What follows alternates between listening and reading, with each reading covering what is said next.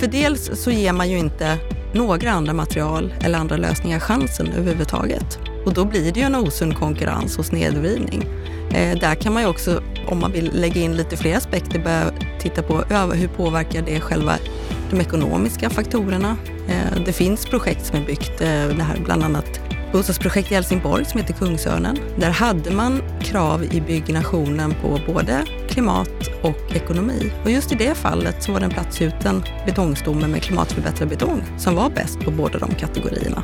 Och när man styr på det sättet att man inte från början säger exakt vilket material man ska bygga med. Och just i det projektet så hade man från början försökt styra valet av byggmaterial, men fick backa på det. Ja, det är en osund konkurrens och snedvridning när politiken detaljstyr vilket materialval som ska användas, vilket regeringen faktiskt gjorde när de presenterade sin klimathandlingsplan och menade att man ska förorda trä framför betong.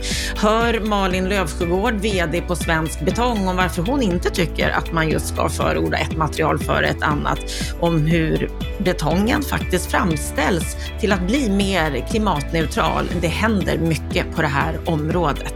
Varmt välkommen till ett nytt avsnitt från oss på Bopolpodden. Det här är ett eh, intressant samtal om just betong. Vad som händer på området, hur vi ska tänka när det gäller olika materialval. Ett samtal som kommenteras av Lennart Weiss. Varmt välkommen. Jag heter Anna Bellman.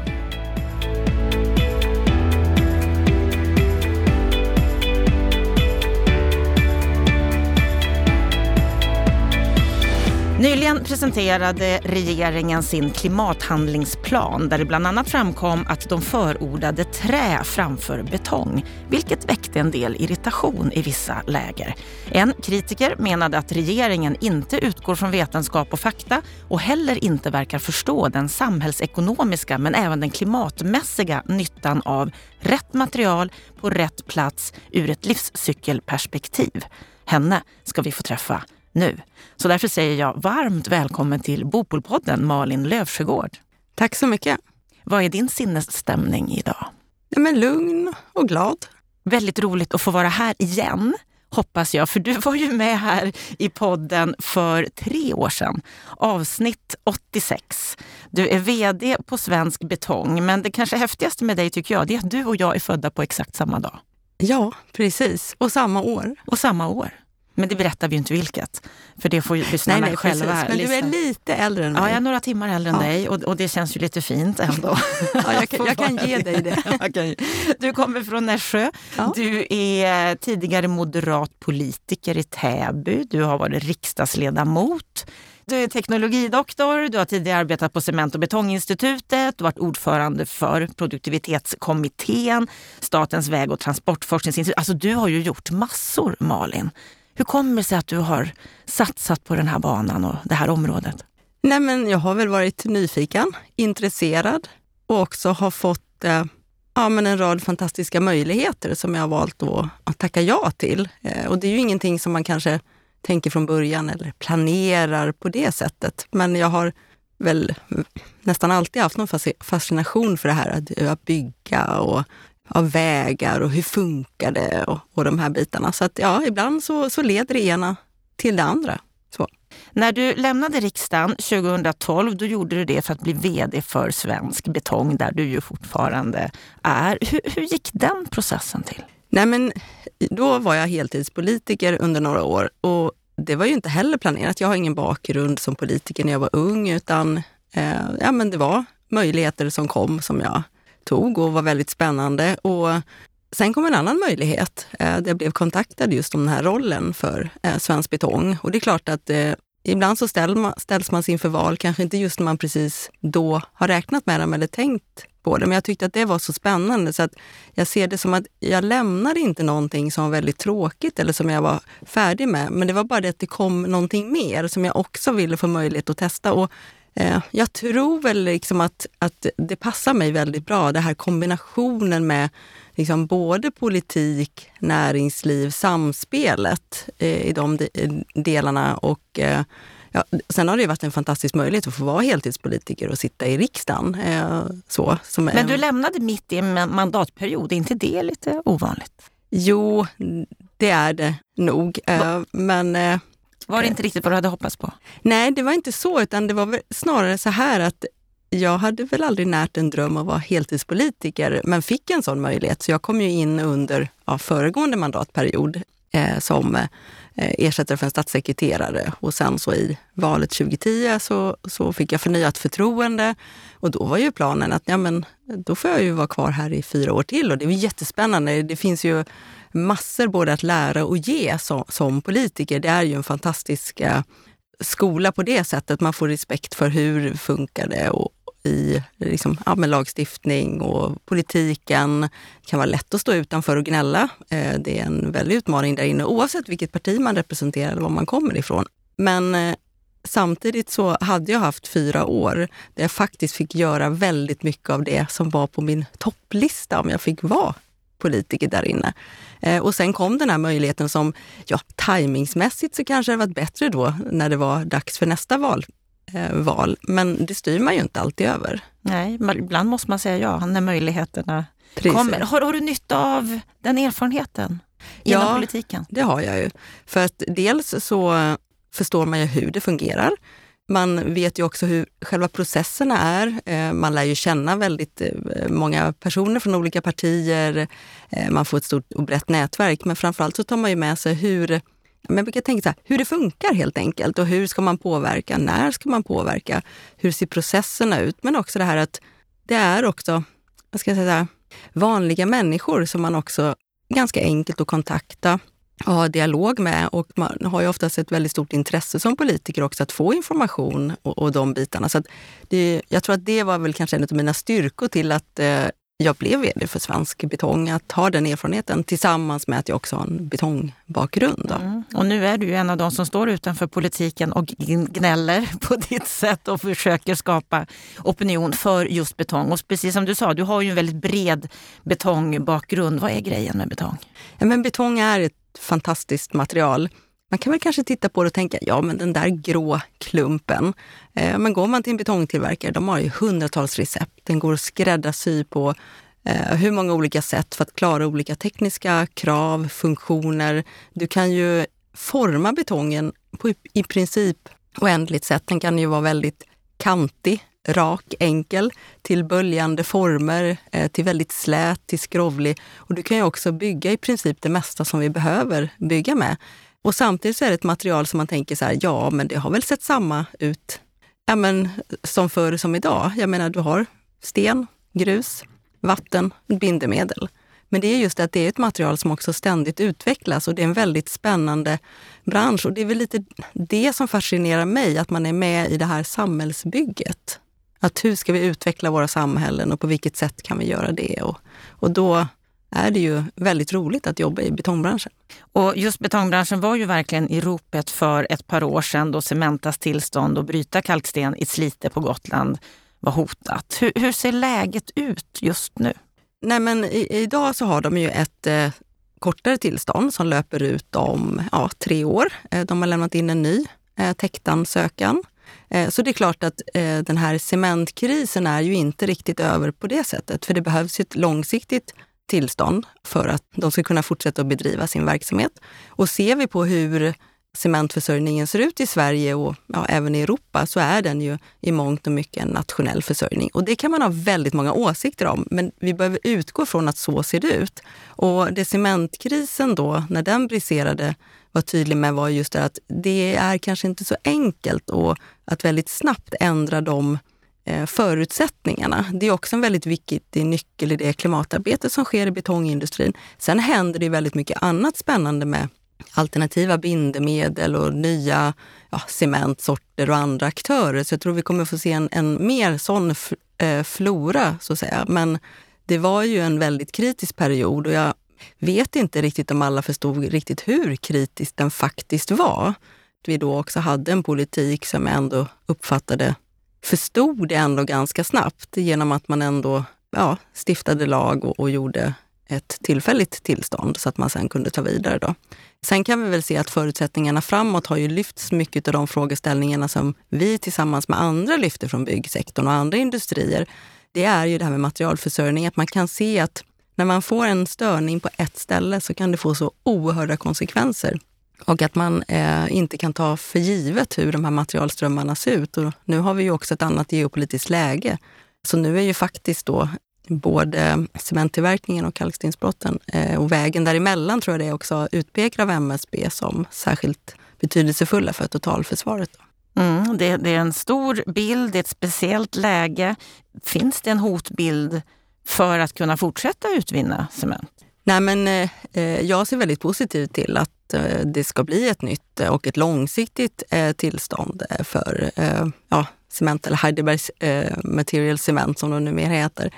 De har ju också lämnat in en ansökan som också tar upp många stora delar som är viktiga för Gotland. För så är det, vattenförsörjningen är ju en väldigt viktig fråga på Gotland och den måste man ju också ta hänsyn till. Men där har ju också då, nu har inte jag lusläst den här ansökan ska jag säga, så jag ska inte gå in i detalj, men de har ju också presenterat lösningar som är kopplade till att eh, säkra och förbättra vattenförsörjningen på Gotland. Sen så är det också väldigt viktigt när vi tittar på ja, just när det är nu kalkstensbrytning i Slite. Vi har eh, samma sak fast med ballast nere i södra Skåne. Ett sånt ärende som också visar på vikten av att vi får med ett helt samhällsperspektiv, klimatperspektivet och inte bara den lokala miljönyttan som också såklart är väldigt viktig, men att vi får med helheten för att vi blir fler, vi behöver bygga mer och hur ska vi kunna göra det på ett både eh, tryggt och säkert sätt med material som är långsiktigt hållbara som hjälper oss att utvecklas i branschen för att minska klimatpåverkan men också stärker oss i samhällsskydd och beredskap. Vi har de sociala faktorerna, det finns väldigt mycket. Ja, det finns väldigt många olika mm. faktorer som spelar roll här och just nu har vi ett väldigt speciellt läge eftersom det är kris på många plan men framförallt i bostadsbyggandet. Hur mm. påverkar den här lågkonjunkturen och krisen i bostadsbyggandet, hur påverkar det betongbranschen? Nej, men den påverkar ju oss och våra medlemsföretag också väldigt mycket. Det kan vi ju se att eh, dels har vi haft medlemsföretag som har eh, gått i konkurs under förra året. Eh, vi vet om att flera har varslat och då är ju ändå Svensk Betong en, en ren branschorganisation så vi har ju inte kollektivavtal och arbetsmarknadsfrågorna på det sättet. Men vi ser ju också hur eh, det blir stora utmaningar när man ser att bostadsbyggandet faller med så stora tal där det beror lite på vem man pratar med då, ute bland eh, bostadsbyggarna, men alltså det pratas om 80-90 procent minskningar.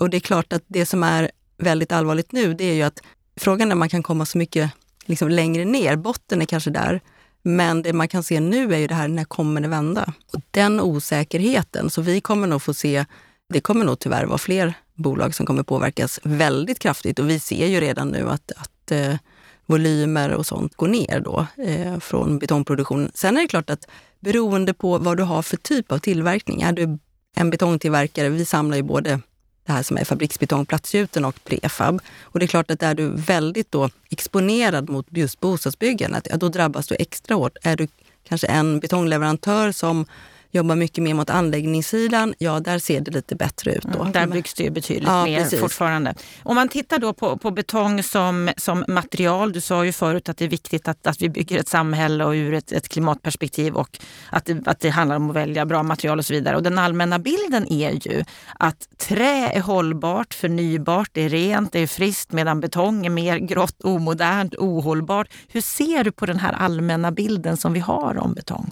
Ja men den stämmer ju inte men det innebär ju också att vi måste jobba ännu mer, ännu hårdare på att eh, nå ut och informera om vad som händer i betongindustrin. Men du håller med om att den bilden finns? Ja, men den möter vi också. Sen möter vi väldigt många som ser det fantastiska med betongen också. Och det kan vi ju konstatera när vi såg SCBs senaste siffror. Nu, nu är ju den ettårssläpande då, men stomstatistiken för 2022 så låg ju betong fortfarande kvar som det dominerande stommaterialet för flerbostadshus på runt eh, är det, 80 procent. Eh, så det är ju många som ser de fördelarna, men det, är, det har hänt väldigt mycket och det händer väldigt mycket i, i betongindustrin som faktiskt gör att eh, eh det går inte att säga att eh, trä skulle vara bättre än betong.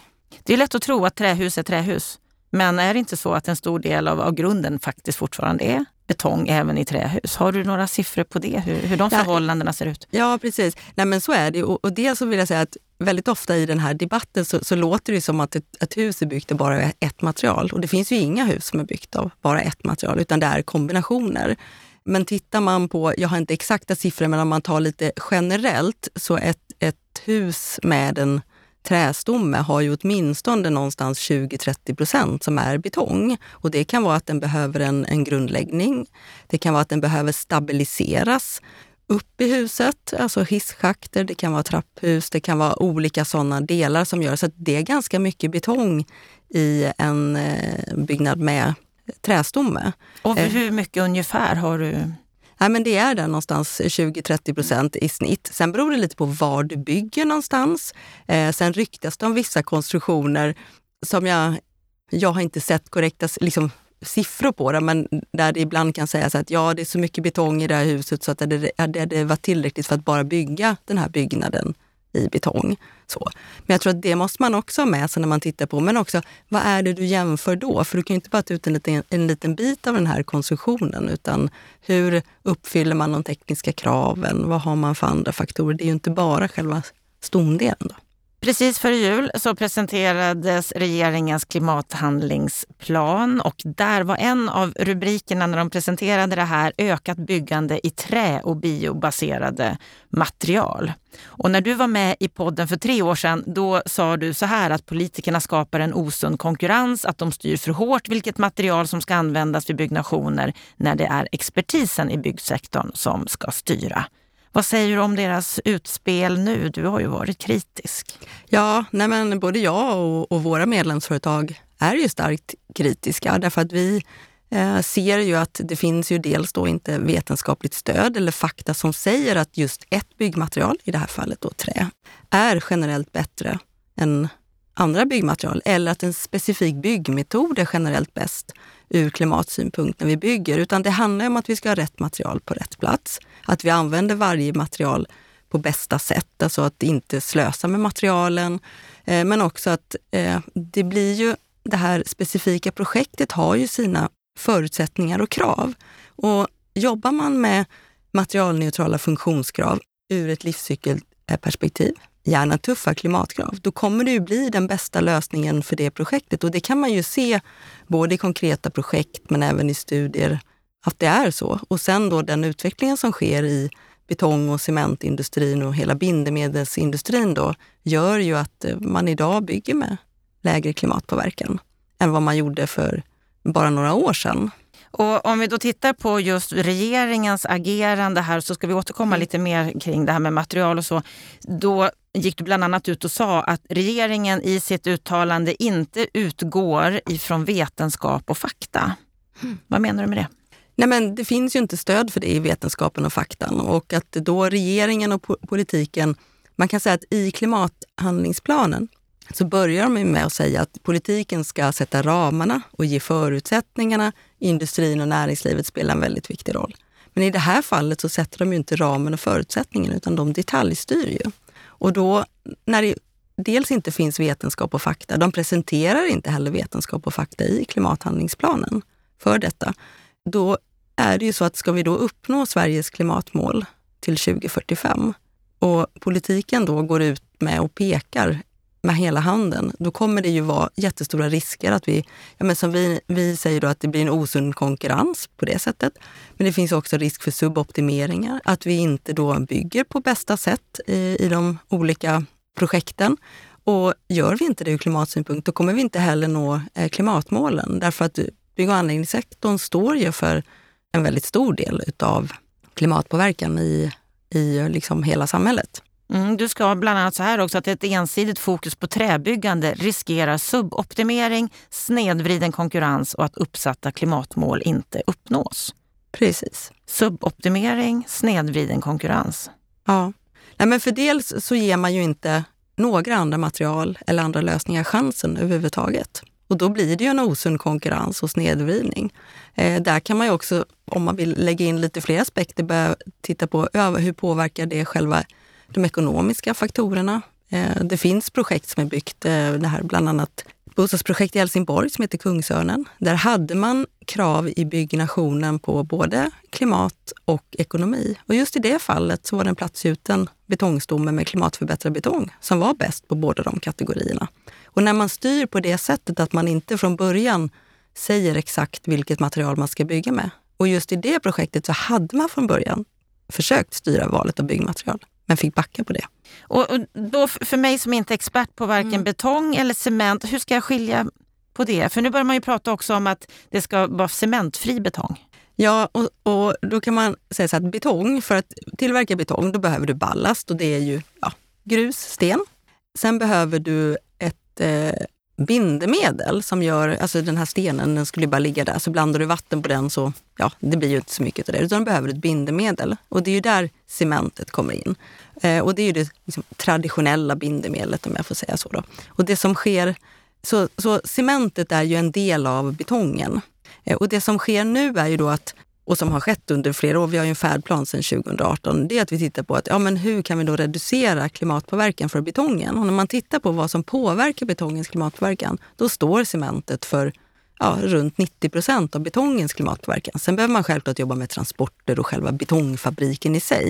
Men det är klart att då blir det intressant att se, finns det möjlighet att byta ut delar av cementet? Och det går det att göra. Och det är klart att då kan du byta det mot bindemedel som också måste uppfylla de kraven som ställs på ja, cementet. Då. Eh, och där använder man ju eh, flygaska. Men idag är det ju mer vanligt med slagg då, som är en restprodukt från stålindustrin. Och det intressanta med det är ju att då minskar vi klimatpåverkan. Vi minskar ju då också uttaget av jungfruligt material, det vill säga vi behöver inte lika mycket kalksten för att tillverka cement. Men vi tar också hand om andra industriella processers restprodukter, det vill säga slagg och flygaska. Så där blir det en cirkularitet också, att vi använder och nyttjar andra restavfall. Och det som händer nu är ju dels att cementindustrin jobbar också med det, att man tittar på hur kan man helt kan man säga så här, blanda ut sin kalksten för att tillverka cement. Sen jobbar man ju också med CCS-lösning som man gör i Slite eh, och det pågår ju på andra håll också över världen. Eh, och det är ju helt enkelt att kunna fånga in koldioxiden. För att när man tillverkar cement från kalksten så är det så att koldioxid är bundet i kalkstenen. Så att det släpps ut. Så att det spelar inte så stor roll hur mycket. Du kan ju till en viss grad då minska eh, de fossila utsläppen, alltså kopplat till energin och det så värmen som behövs i cementugnen. Men sen måste du ta hand om det utsläppet som kommer. Och då är ju det att fånga in det att kanske i första skedet lagra det men sen återvinna det. Men då kommer det också fram många nya intressanta delar i att eh, utveckla nya alternativa bindemedel. Man tittar på vulkaniska askor.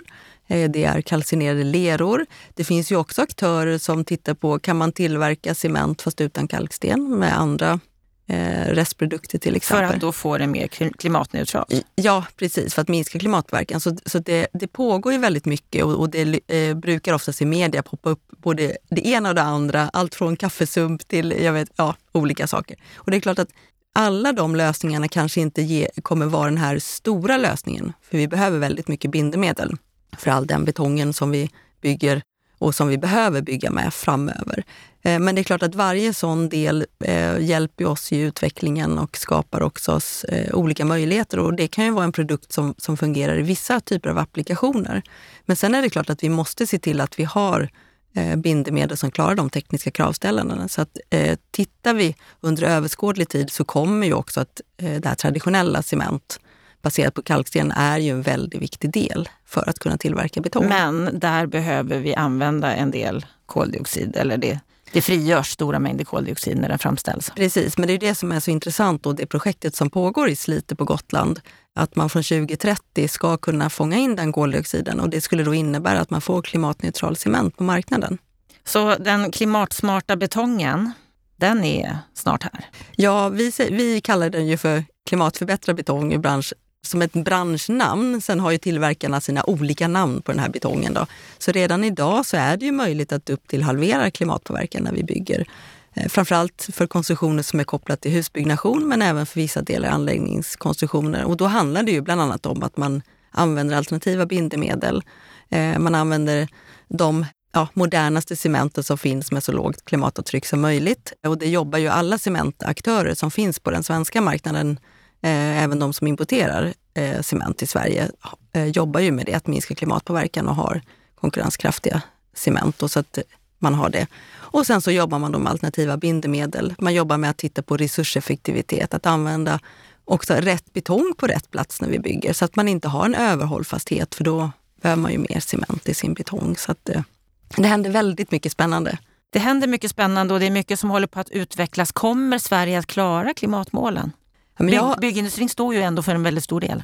Ja, om politiken ser till att hålla sig till vetenskap och fakta och inte tror att de sitter på lösningen. För jag tänker också så här att jag ser ju att, att eh, ja, om jag får uttrycka mig så, traditionella byggmaterial som betong, stål, trä kommer ju spela liksom en viktig roll även framöver.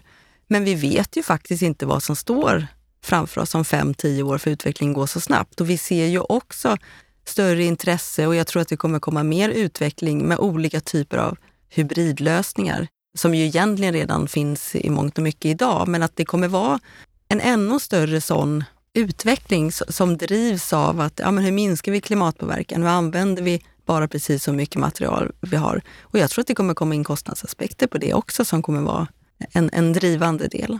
Om vi tittar då på regeringens arbete och deras klimathandlingsplan så skriver de bland annat att träbyggnadsindustrin har som mål att till 2025 bygga en kapacitet som kan tillgodose 50 procent av fler bostadsbyggandet och minst 30-35 procent av övriga byggnader. Alltså de nämner inte överhuvudtaget betong i klimathandlingsplanen. Borde de ha gjort det?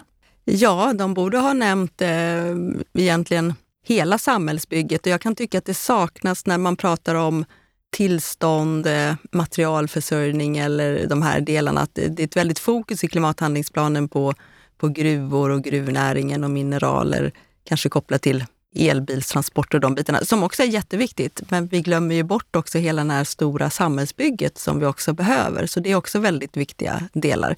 Sen kan vi ju konstatera att det de skriver om träbyggande. Ja, om inte jag missminner mig fel så är det nog från en rapport från träindustrin för ett antal år sedan när de tittade på hur stora marknadsandelar de ska ta. Eh, och det är klart att referera till det som någon slags vetenskap om att eh, det skulle vara bäst att bygga med det ur klimatsynpunkt känns ju väldigt tveksamt. Mm, de får verkligen backning ifrån, ifrån ditt håll. Du har efterlyst en långsiktig materialneutral strategi för ett hållbart bostadsbyggande med minskad klimatpåverkan ur ett livscykelstrategi.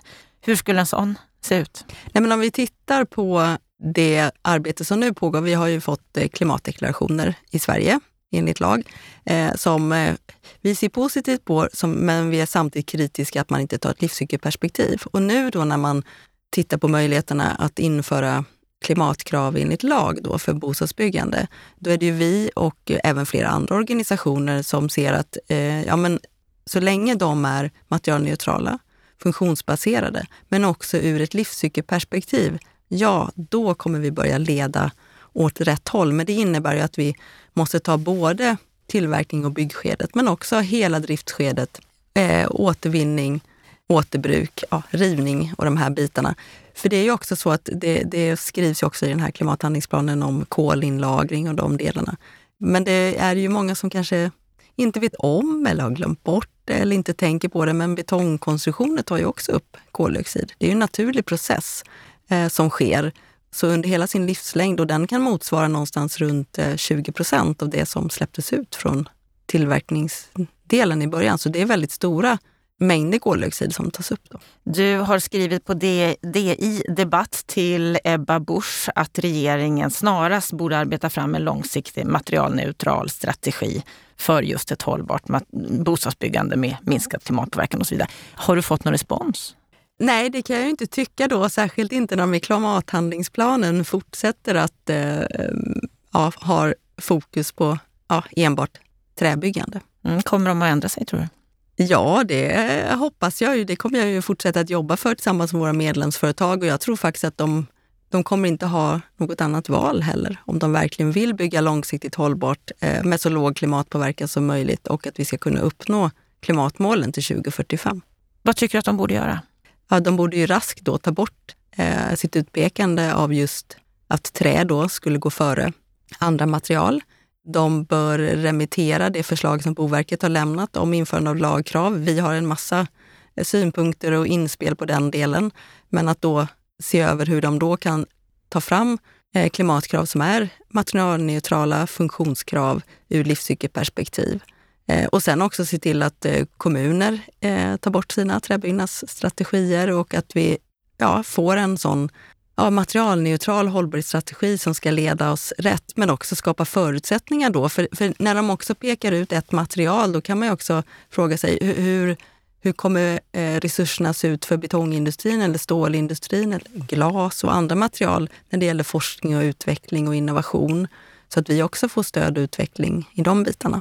Mm. Det finns eh, mycket att önska vad som kan ske från politiskt håll. Vi får se om de ändrar sig, vi får se om de lyssnar, men du kommer fortsätta att stå på barrikaderna. Självklart. Mm. Ja, vi som har lyssnat på den här podden, vi har ju blivit övertygade om att betong kommer att vara ett hållbart material framåt. Kommer vi att se att det görs betong utan utsläpp? Ja, jag är fullt övertygad om att vi kommer eh, kunna jobba framåt och att nå de uppsatta målen som finns i, i vår färdplan. Men vi kommer inte klara det fullt ut helt själva. Vi kommer behöva stödja politiken. Det måste, vi måste se till att att tillståndsprocesser fungerar, elförsörjningen, eh, att det finns eh, materialförsörjning, att vi har de eh, delarna. Och att eh, politiken jobbar efter samma målsättning som vi också gör i färdplanerna. Eh, sen finns det klart en rad andra utmaningar. Vi har kompetensfrågan som är, den är inte bara specifik för betong, den är ju egentligen hela byggsektorn och inte minst nu under en byggkris. Hur kommer det vara framöver? Sen har vi en annan aspekt som, som jag missade att säga innan också, som, som också behöver ta med i byggandet, som jag tycker då regeringen missar i klimathandlingsplanen och det är ju också klimatanpassningen. Vi ser ju att vi har andra extremare väderhändelser. Det gör ju också att när vi bygger våra samhällen så måste vi ju bygga dem kanske på lite andra sätt än innan. Vi måste fundera på hur vi bygger dem, med, våra, med vilka material, så att de ska kunna klara översvämningar, torka, hetta, extrem kyla. Och vi har ju också ett stort klimatanpassningsbehov av det befintliga beståndet som finns. Så det är ju väldigt viktigt när vi tittar på det att vi i betong och cementindustrin lyckas och att vi får förutsättningar för att lyckas att nå våra uppsatta klimatmål enligt våra, våra färdplaner. Eh, eftersom väldigt mycket när vi bygger att eh, det finns många olika byggmaterial och alla kommer behövas för att vi ska få tillräcklig mängd byggmaterial. Men för en rad konstruktioner så är ju kravställandet sådant kopplat till beständighet och tekniska krav att det är bara betong som uppfyller dem. Mm. Så vi kan inte leva utan betong? Nej. Nej, det är det vi kan konstatera. Men om vi ska kunna fortsätta att utveckla rätt betong så behövs rätt förutsättningar också från politiskt håll. Precis. Mm. Stort tack Malin för att du kom till oss i Bopolpodden än en gång. Mm, tack så mycket för att jag fick vara med.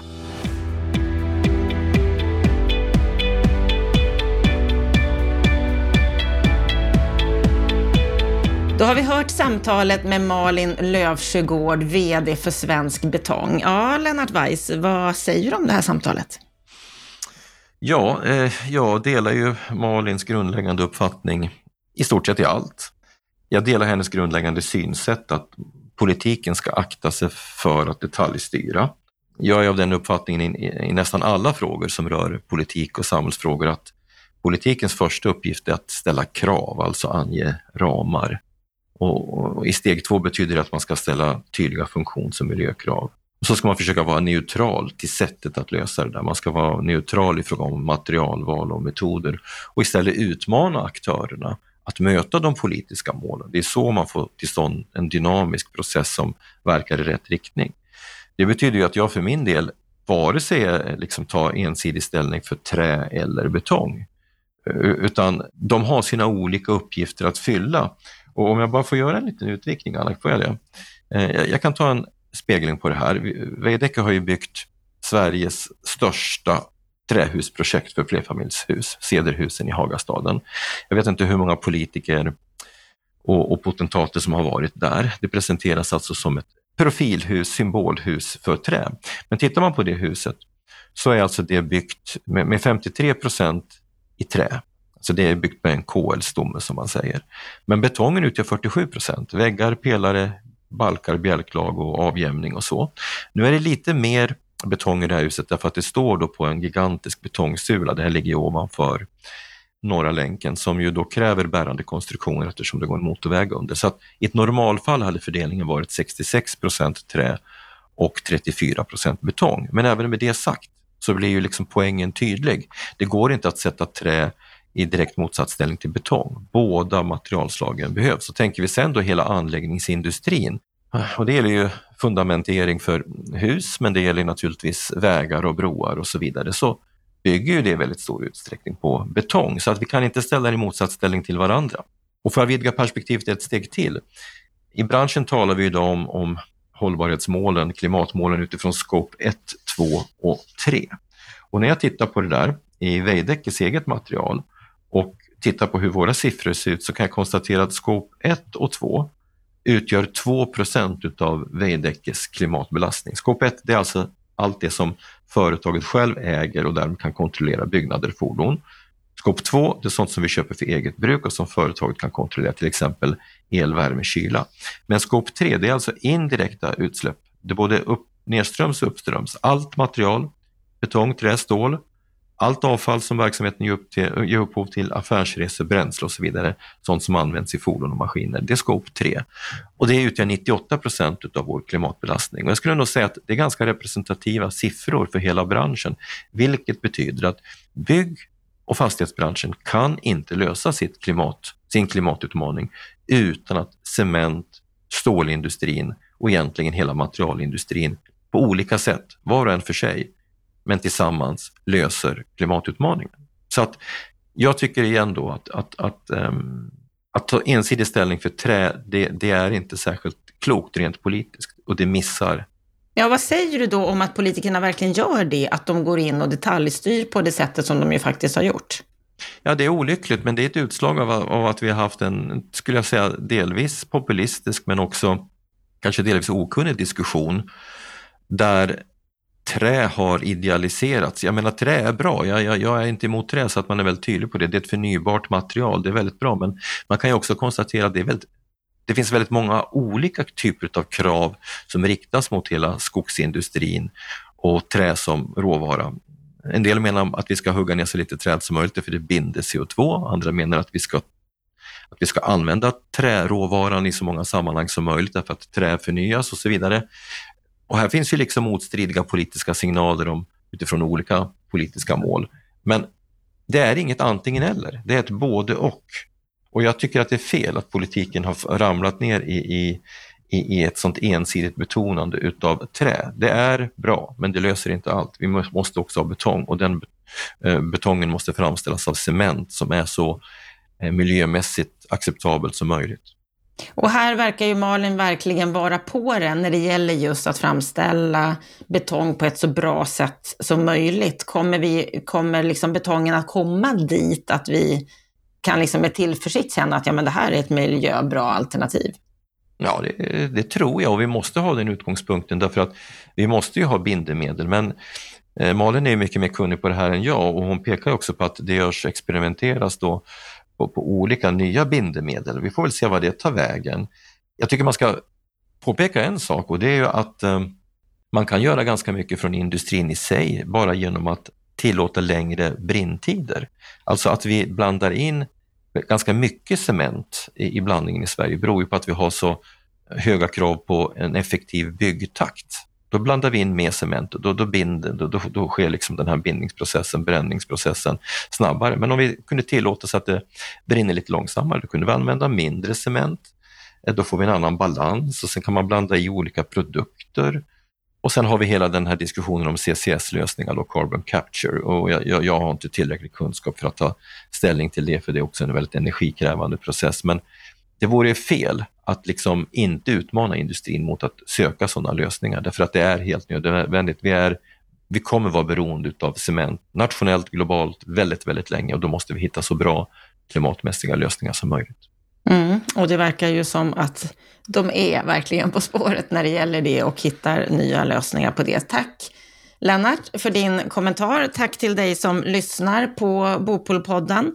Vi är tillbaka på fredag igen med det senaste som har hänt under veckan i det vi kallar för veckans Aktuellt. Jag hoppas att vi hörs då och jag önskar dig en riktigt bra vecka fram tills dess.